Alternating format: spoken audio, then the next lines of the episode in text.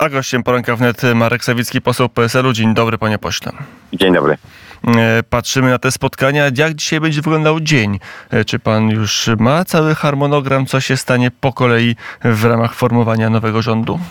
No oczywiście ja swój harmonogram mam, mam natomiast ja w formowaniu rządu nie uczestniczę na szczęście. Mam tę swobodę, że mam od tego Kośniaka, Kamysza, Piotra Zgorzelskiego, e, Klymczaka, Darka. Niech młodzież pracuje. Niech pracuje. Czy dzisiaj poznamy tak, to już twarde nazwisko, że tak, Donald Tusk będzie wspólnym kandydatem całej opozycji e, na premiera? Tego nie wiem. Słyszałem wczoraj po 20 wypowiedź Kośniaka, Kamysza, że o tym dowiemy się o 11. Mm, No to jak rozumiem, pan prezes słowa dotrzyma. No myślę, że tak, że dotrzyma słowa i że o 11 opinia publiczna zostanie poinformowana o tym, kto jest kandydatem na premiera. Kto powinien być? E, Chyba tutaj nie będzie zas- zaskoczeń Donald Tusk, czy może Nie no, będzie? panie redaktorze, jeśli pan mnie pyta, to oczywiście ja uważam, że najlepszym kandydatem na premiera jest Władysław Kośniak-Kamysz. Natomiast y, kto będzie, no to ogłosi właśnie po spotkaniu ta grupa negocjatorów w ramach większości parlamentarnej, czyli Koalicji Obywatelskiej Trzeciej Drogi i y, Lewicy i o tym będziemy publicznie wiedzieli już niebawem. Jakie resorty w nowym rządzie interesują najbardziej Polskie Stronnictwo Ludowe? Nie wiem, nie uczestniczę w tych negocjacjach, więc y, jakie myślę, że nawet resorty nie są w tej chwili omawiane, ale. ale To o czym ale, oni ale rozmawiają? Dziś będę, dziś będę, to zapytam. Rozmawiałem z pół godziny temu z Piotrem Zgorzelskim, mówiłem się na popołudnie, więc powiedział, że mi zda relację z tych negocjacji, więc będę o wiele mądrzejszy i wtedy będę być może mógł coś więcej powiedzieć. Mm, To wtedy może mm, zadzwonimy, no ale dobrze, dzwonimy teraz, antena jest, to trzeba jakąś treścią, najlepiej dobrą tą antenę, panie pośle, wypełnić. To Tak, już, nie, to już tak. nie będę pytał o informacje, tylko pana osobiste zdanie, które re- resorty e, PSL powinien, o które powinien się starać, pana zdaniem. Panie redaktorze, ja uważam, że na pewno jak resorty gospodarcze, jeśli chodzi o działalność w obszarze szeroko rozumianej ochrony środowiska, klimatu, energii odnawialnej, tutaj mamy kilka zespołów dobrych ekspertów, którzy y, mają gotowe projekty ustaw, które możemy już przedstawiać w Sejmie. To jest kwestia demonopolizacji przesyłu energii. To są sprawy związane z uwolnieniem w końcu rynku obrotem energią, tak żeby nie cztery spółki Skarbu Państwa, ale żeby także społeczności lokalne mogły e, budować sieci przesyłowe, żeby nie było tej ciągłej blokady energetyki węglowej dla energii odnawialnej, więc e, Czyli ten obszar dział energetyki, tak. to was interesuje. No i tradycyjnie rolnictwo, czyli dwie teki rolnictwa i energii w jakimś sensie No, tra- rozumiem. tradycyjnie, tradycyjnie ja rozumiem, że od e, 128 lat tradycyjnie rolnictwo jest przypisane do Polskiego Stronnictwa Ludowego. I tak Nawet jak powinno jesteśmy- zostać, czy jakieś jak rewolucje? jesteśmy, jak jesteśmy w opozycji, to też odpowiadamy, odpowiadamy za rolnictwo i, i nawet często spotykałem się z tym, kiedy e, rządził PiS, czy kiedy rządziła sama Lewica, e, to oczywiście przecież to wy w końcu odpowiadacie za rolnictwo i, i, i, i niezależnie od tego, czy jesteście w koalicji, czy w opozycji, tak powinno być.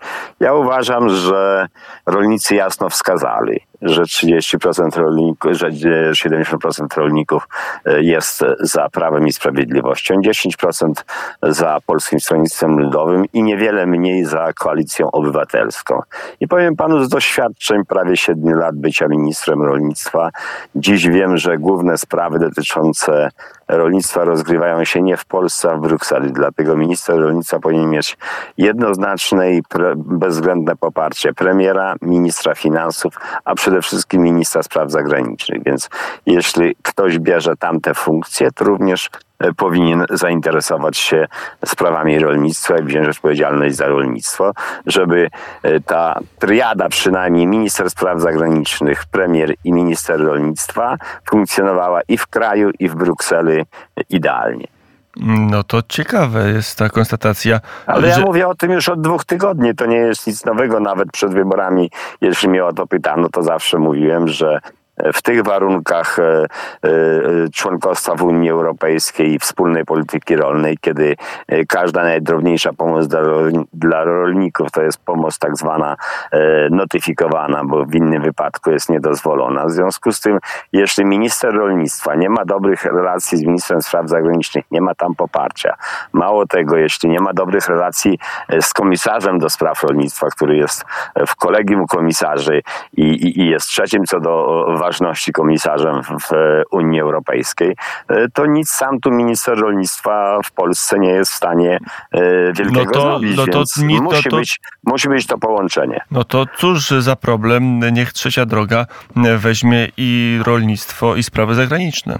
No to panie redaktorze, zobaczymy jak będzie. No ja nie wiem, bo ja w tych negocjacjach nie uczestniczę, ale jak mnie wielokrotnie ktoś pyta, co bym doradzał Tuskowi, jaką funkcję powinien wziąć, to oczywiście doradzałbym mu, żeby wziął funkcję e, premiera, czy marszałka, na premiera zaproponował Kosiniaka albo Hołownię, no ale mówię to co, chciałby pan, żeby Kosiniak był premierem, a w życiu chciałbym, żeby Kosiniak był marszałkiem, no więc to, to, są, to są zależności od tego, z jakiego punktu widzenia patrzymy na e, politykę i na e, wzajemne relacje i układanki i możliwości realizacji własnego programu. To w zależności od tego, z punktu widzenia którego środowiska politycznego będziemy patrzyli i, i, i, i analizowali także przedstawicieli tych środowisk. Do jednych, e, że tak powiem, predyspozycje są inne, do innych wymagane inne i, i jeden polityk te predyspozycje ma, inny niekoniecznie.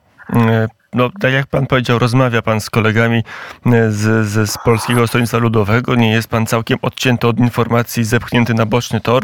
Coś jeszcze pan e, tam się z kimś, ktoś z panem jeszcze rozmawia w tym PSL-u, jak rozumiem. Nie, tam panie redaktorze. No ja to już jestem taki weteran, gdzie dzisiaj mówię, młodzi rządzą, a ja ewentualnie mogę doradzać wtedy, kiedy młodzi z tej porady chcą skorzystać, więc... No dobrze, to pan poseł patrzy z tej perspektywy i jak ocenia te negocjacje tworzenia rządu rządu. One są trudniejsze, nie mogę, nie mogę ich ocenić, panie, Nie mogę ich ocenić, panie redaktorze, bo jeszcze nie znam ich efektów. Ja zachęcałem e, kolegów e, z tej trójki większości parlamentarnej, żeby już w ubiegłym tygodniu e, siedli, uzgodnili ramy prezydium rządu, prezydium Sejmu, prezydium Senatu i z tym wystąpili jeszcze przed niedzielą do pana prezydenta. No dobrze, że będzie to dzisiaj miało miejsce i że będzie to przed spotkaniem Koalicji Obywatelskiej w kancelarii pana prezydenta prezydenta, więc jestem przekonany, że mimo, że pan prezydent postanowił każde środowisko polityczne, e, że tak powiem, skonsultować oddzielnie, to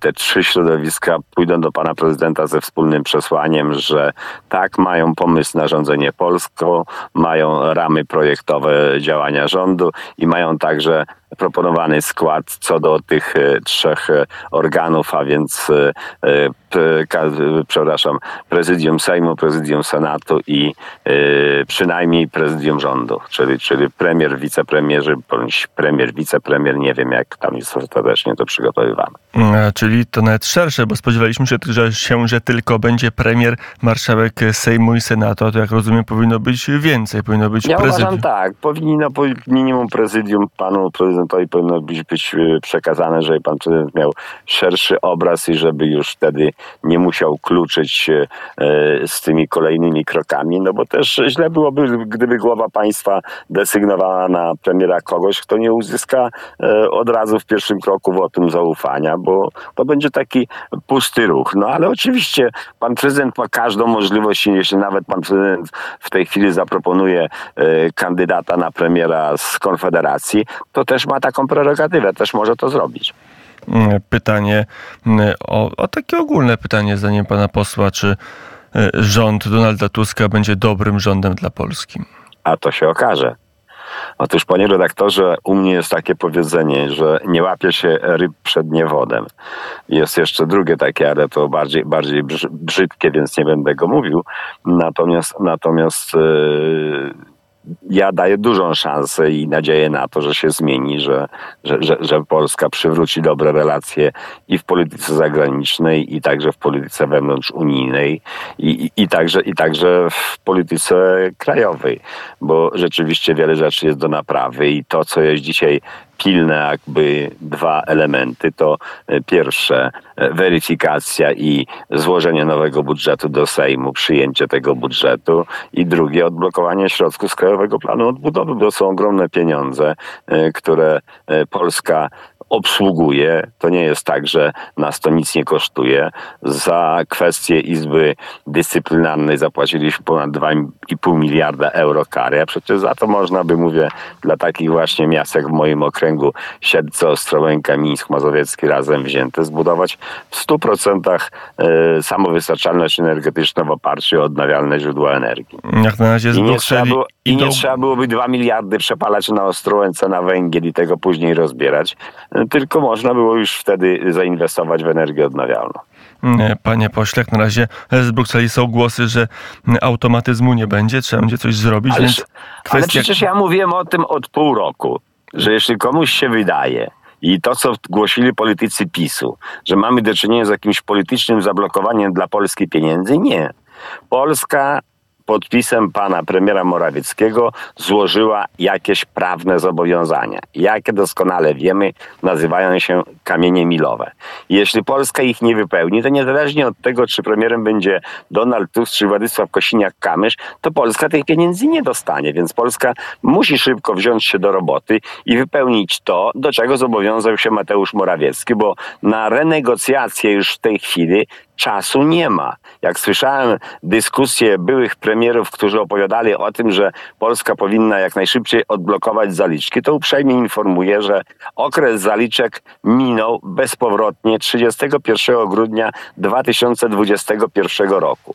Teraz najprostszym nadal sposobem, to co także doradzałem premierowi Morawieckiemu, nie chciał słuchać, najprostszym sposobem na odblokowanie tych środków to jest wycofanie wniosku pana prezydenta Andrzeja Dudy z Trybunału Konstytucyjnego w sprawie najwyższej, Sądu Najwyższego. I to jest przynajmniej jeden istotny element, który być może dałby szansę na to, żeby Polska jeszcze rząd Mateusza Morawieckiego złożyła wniosek o płatność za zrealizowane zadania w ramach Krajowego Planu Odbudowy. Mm, To jeszcze pytanie mm, o ten, y, o rząd, o prezydenta, o budżet. Wybiorę jednak takie pytanie.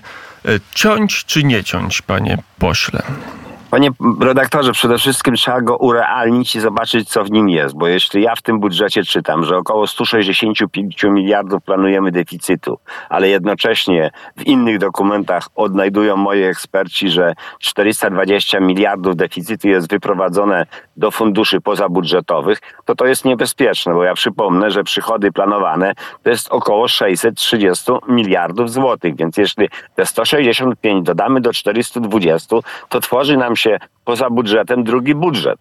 I bez, ten, ten, ten drugi niestety jest w, przy ograniczonej kontroli Parlamentu Krajowego, a do Brukseli raportować trzeba, więc y, y, trzeba naprawdę uporządkować finanse publiczne, bo inaczej za kilka lat będziemy mieli ponownie jak w roku 2008 y, procedurę y, nadmiernego deficytu budżetowego. Mm, Co się kryje pod słowami uporządkować sytuację budżetową, urealnić, także urealnić wydatki?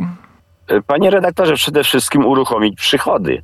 Jeśli my dzisiaj nie uruchomimy wielkich środków inwestycyjnych, bo przypomnę, że pierwotnie pan premier Mateusz Morawiecki złożył wniosek o 38 miliardów, o 36 miliardów euro z Krajowego Planu Odbudowy. W czerwcu poprawił to na 58, czyli my nadal w dyspozycji na inwestycje mamy 270 miliardów euro. Jeśli je wykorzystamy do końca tylko 26 roku, tylko, bo, bo, bo dłużej e, tego robić nie możemy, no to 23% od 260 miliardów to już przynajmniej wystarczy na obsługę e, długu zagranicznego. Ale pan e, poseł wie, że tak ten, się nie mamy. liczy.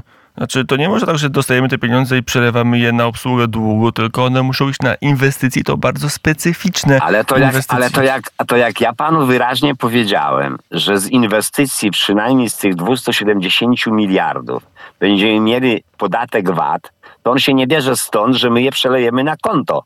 Tylko my musimy zrealizować inwestycje i uprzejmie informuję, że w prawie 40% będą to inwestycje związane z energią, klimatem, a więc także energią odnawialną. I tu jest ogromne pole do inwestycji i projekty są, tylko trzeba po prostu zwyczajnie je zakontraktować i, i realizować. Mm, A z drugiej strony jest pytanie o to, czy utrzymać odpowiednią, mm, odpowiednią listę wydatków społecznych, socjalnych. Co się Panie stanie? redaktorze, nic co dane nie będzie zabrane i o tym wielokrotnie 800, mówiliśmy. 800 plus jest dane, czy jeszcze nie jest dane? Jak to 800 plus jest dane, jest dane ustawowo i nikt nie ma zamiaru tego w tej chwili zabierać, natomiast każde inne nowe waloryzacje będą musiały być przejrzane. Do mnie dzisiaj tak zwani przyjaciele PSL-u piszą e, piękne listy e, na mailach, jak to e, 13 i 14 PSL chce zabrać, więc im odpowiadam. Nic nie chcemy zabrać, a trzynastkę to wam zabrała, e, zabrał Polski Ład, bo składka zdrowotna wcześniej odpisywana z emerytury, renty to było e, 1,75%, a teraz jest 9, czyli trzynastka już poszła. Poszła z powrotem do budżetu państwa, poszła do ZUS-u, do, do, do, do przepraszam, do e, k- no, Coś- funduszu, funduszu, fu- funduszu Nie e, wiem, zdrowotnego. pan poseł trochę myli przedsiębiorców i emerytów. Emeryci mają tanie, by mają kwotę wolną od podatku. 30 tysięcy było 3 tysiące. Nie, panie redaktorze, ale Tak. emeryci przedtem mimo wszystko płacili 1,75, a teraz płacą już całe 9, od całej swojej emerytury płacą 9% składki zdrowotnej. Przedtem nawet od tej części wolnej od podatku nie płacili. Nic. A teraz płacą od całej emerytury 9% i oni nawet tego nie zauważyli. Czyli to jest ta jedna emerytura rocznie im z powrotem odebrana, czyli tej trzynastki już nie mają. Nie zauważyli, bo podatek PIT został zmniejszony z 18 No, podatek do PIT 12 został zniesiony, i kwota ale składka wolna podniesiona do 30. ale- Dlatego nie zauważyli, bo wyszli na składka plus. zdrowotna została nałożona na całość, a przedtem jej nie płacili. Ale przy kwocie wolnej i tak są do przodu. Dobrze, to są, to jest prosty kalk- No nie kalkulator. są do przodu. To nie są do przodu. Jedna emerytura, ta trzynastka już poszła, a czternastkę i dwunastkę zjadła inflacja. I jeśli nie będzie rozwoju gospodarczego, to ta inflacja od jutra nie zatrzyma się na zerze. Mm, Ona jak na razie dość mocno e, spada. Dobrze, panie pośle, Tak, bardzo mocno spada, tylko zobaczymy, co się da zrobić jeszcze z tymi tak zwanymi tarczami ochronnymi w zakresie e, energii, w zakresie zerowego VAT-u na rolnictwo, bo jeśli, bo jeśli tych elementów się nie uda utrzymać, to wtedy inflacja nie Wyskoczy. będzie spadać, a będzie rosnąć. No, pan to, jest, poseł- to wszyscy ekonomiści o tym mówili. Pan poseł Marek Sawicki, prorok, bo o to chciałem zapytać. E, Teraz mało się o tym mówi, bo jest ferwor polityczny, ale przyjdzie e, styczeń i co? Podniesiecie ceny prądu, czy Nie utrzymacie? wiem, o tym, o tym będą musieli decydować ekonomiści, o tym także będzie decydował rynek. Będą musieli się nad tym zastanawiać, na ile jeszcze mamy mm, zapasów i możliwości, żeby e, stosować e, tego rodzaju osłony po to, żeby, że- żeby dać e, szansę odbiorcom na utrzymywanie niższych cen, ale jednocześnie, jeszcze raz podkreślam, trzeba ożywić polską gospodarkę. No panie redaktorze, w pierwszym półroczu tego roku 110 tysięcy firm zamknęło się, przestało funkcjonować. Kilkadziesiąt tysięcy kolejne zawiesiło swoją działalność. I tu wraca ta sprawa, o której mówiliśmy. Dla mikroprzedsiębiorców, dla małych firm, kwestia dobrowolnego, przepraszam, ZUS-u, żeby przynajmniej przez kilka miesięcy mogli dalej funkcjonować, nie, nie, nie zawieszali, nie likwidowali Wakacje swoich e, firm. miał być dobrowolne, będą wakacje od ZUS-u na trzy miesiące. Za czym, czym nie to wprowadzone, bo to też jest koszt jednak dla e, Funduszu Ubezpieczeń Społecznych, ale dobrze, to e, skorzystam, że Dużo, dużo mniejszy niż likwidacja firm. Mm, e, to jest e, możliwe. E, To skoro pan poseł musi się napić łyk wody, to ja to wykorzystam i zapytam o, o to, co zlikwidować, bo może jest szansa na oszczędności. Rafał Trzaskowski chce likwidacji Centralnego Biura Antykorupcyjnego. Ja prezydenta Warszawy rozumiem, CBA zamknęło mu wiceprezydenta i, i cały zarząd spółki miejskiej oczyszczania, dość ważnej, więc on może mieć osobistą kłopot z CBA, ale czy to będzie program, program całej koalicji rządzącej? Panie redaktorze, na pewno trzeba polikwidować tak zwaną policję partyjną. Natomiast nie można likwidować zadań.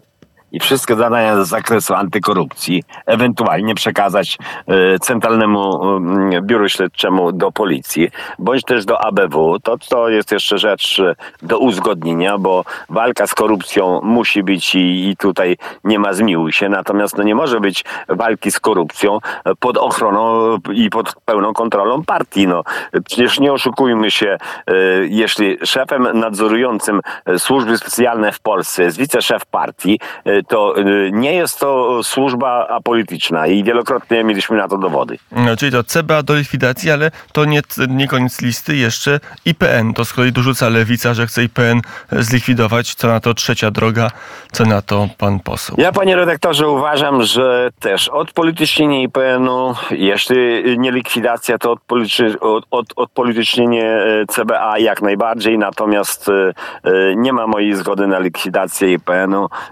Zbyt dużo ważnych rzeczy zostało przez tę instytucję, jednostkę, że tak powiem, zbadanych, pogranych do opinii publicznej i nie wszystkie, i nie o wszystkich jeszcze wiemy, więc mam nadzieję, że odpolitycznienie tej instytucji, przewietrzenie trochę i i, i wpuszczenie także świeżych ludzi da szansę na to, że materiały, których jeszcze nie znamy, także pozna opinia publiczna. E, to jest przynajmniej jasna deklaracja CBA albo do likwidacji, albo do głębokiej e, zmiany IPN do pozostawienia. To jest, to jest wniosek Marka Sawickiego. Naszą rozmowę zaczęliśmy od tego, że w tej chwili nie ma sensu się bić o tekę ministra rolnictwa, bo i tak większość decyzji zapada w Brukseli.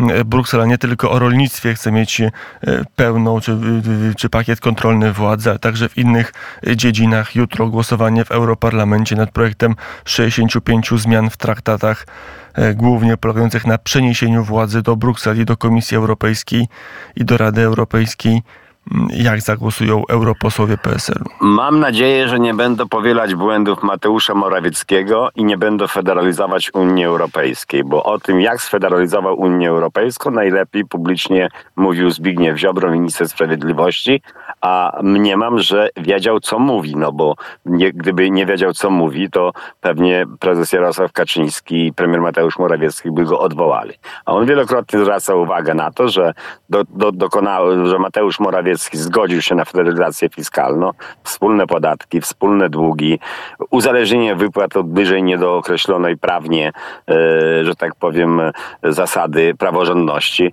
Więc ta federalizacja już się dokonała i my jesteśmy przeciwnikami dalszej federalizacji w dalszych obszarach i y, ja jeszcze dzisiaj będę z naszymi europosłami rozmawiał, żeby za federalizacją ręki nie podnosili. Żeby byli przeciwko, wstrzymali się, czy wy wyjęli karty, bo to też tak bywało w Brukseli, że w głosowaniach y, wasi europosłowie rozpływali się w powietrzu. Panie redaktorze, ja będę za tym, żeby y, nie przyczynili się do federalizacji, więc... Czyli byli przeciwko, męska decyzja, albo są przeciwko, oczy, albo tchórzą tak, i się powinni, chowają. Powinni, powinni być w tej sprawie przeciwko bo uważam, że dalsza federalizacja na tym etapie funkcjonowania Unii bez głębokich uzgodnień i zmiany traktatów jest po prostu yy, niepotrzebna. No ja przypomnę traktat lizboński, negocjowany przez Jarosława Kaczyńskiego, podpisywany przez e, prezydenta e, Lecha Kaczyńskiego i premiera Nadalda Tuska. To był pierwszy krok do, że tak powiem, zmniejszenia siły głosu Polski w, e, i w Europarlamencie, i w Radzie e, Unii Europejskiej. Więc to już, się, to już się wiele rzeczy dokonało i nie ma potrzeby, żebyśmy dalej podcinali sobie gałąź, na której siedzimy. To już na koniec, panie pośle, do apeluję do pańskiego doświadczenia posła drugiej i kolejnych kadencji, aż do dziesiątej kadencji Sejmu posła elekta układ centrolewów, który pewnie się ukształtuje w najbliższych tygodniach. To jest, to jest porozumienie na 4 lata, czy to się szybciej skończy, jak pan poseł obstawia? W mojej ocenie powinno być to porozumienie na 4 lata. Jak się skończy, może się skończyć tak jak w okresie międzywojennym, kiedy porozumienie zawarł Centrolew, to wtedy y, sanacja doprowadziła do przewrotu majowego i, i, i tych wszystkich, którzy się porozumieli, y, zaprowadziła tam, gdzie zaprowadziła. Trzeba było 91 lat, żebyśmy oczyścili Witosa i jeszcze dziewięciu innych parlamentarzystów z tego haniebnego wyroku brzeskiego, więc mam nadzieję, nadzieję, że tym razem to się nie powtórzy. To wtedy nie rządził Centrolew, wtedy rządziła raczej prawica i PSL. Centrolew jeszcze nie rządził, ale Centrolew zawarł porozumienie i wtedy mieliśmy sytuację, w której nastąpiły aresztowania i, i to, co zrobiła sanacja i Piłsudski, no to przecież doskonale pamiętamy. Więcej mamy ofiar e, zamachu majowego niż stanu wojennego. A jednak wydaje się, że Józef Piłsudski to nie Wojciech Jaruzelski, prawda? Tak się, tak się wydaje, ale też wydaje mi się, że e, pozycja i rola e, Wincentego Witosa w przemianach lat dwudziestych e, ciągle jest przez to środowisko, że tak powiem, postpiłsudczykowe bardzo mocno pomijana i przemilczana. No dobrze, czyli jak rozumiem, wierzy pan poseł w to, że wytrzyma pan w jednym zapleczu parlamentarnym z Otóż, Adrianem redaktorze, Zandbergiem i Ryszardem Mikołajczuk- Petru. Kiedy, kiedy, kiedy Mikołajczyk w 1947 roku musiał opuszczać Polskę, zostawił nam przesłanie. Nie traćcie wiary w lepszą przyszłość Polski. I ja tego przesłania się trzymam. Mm, Chociaż akurat Mikołajczyk na kontaktach z komunistami nie najlepiej wyszedł. Zobaczymy, jak będzie teraz z Ale, ale to był jedyny polityk, to był jedyny polityk, który jeszcze miał odwagę próbować cokolwiek robić, żeby ci ludzie, którzy w lesie byli, mieli czas na wyjście i jakiekolwiek unormalizowanie sobie relacji przyszłego życia. Wiem doskonale to po swojej rodzinie. Natomiast żaden inny bohater y, prawicy na to y, odwa- odwagi do tego, żeby podnieść głowę przeciw komunistom nie miał. A teraz odwagę ma Marek Sawicki, żeby rządzić z Adrianem Zandbergiem i Ryszardem Petru. Zobaczymy, jakie to będą rządy i jak długo potrwają, bo PiS liczy, że to się szybko skończy. Przeliczy się? No PiS liczy, że to się nie zacznie. No, to też jest prawda. No więc Zobaczymy. wie pan, yy, tylko mówię, no nadzieja umiera ostatnia i nikomu nie można tej nadziei odbierać.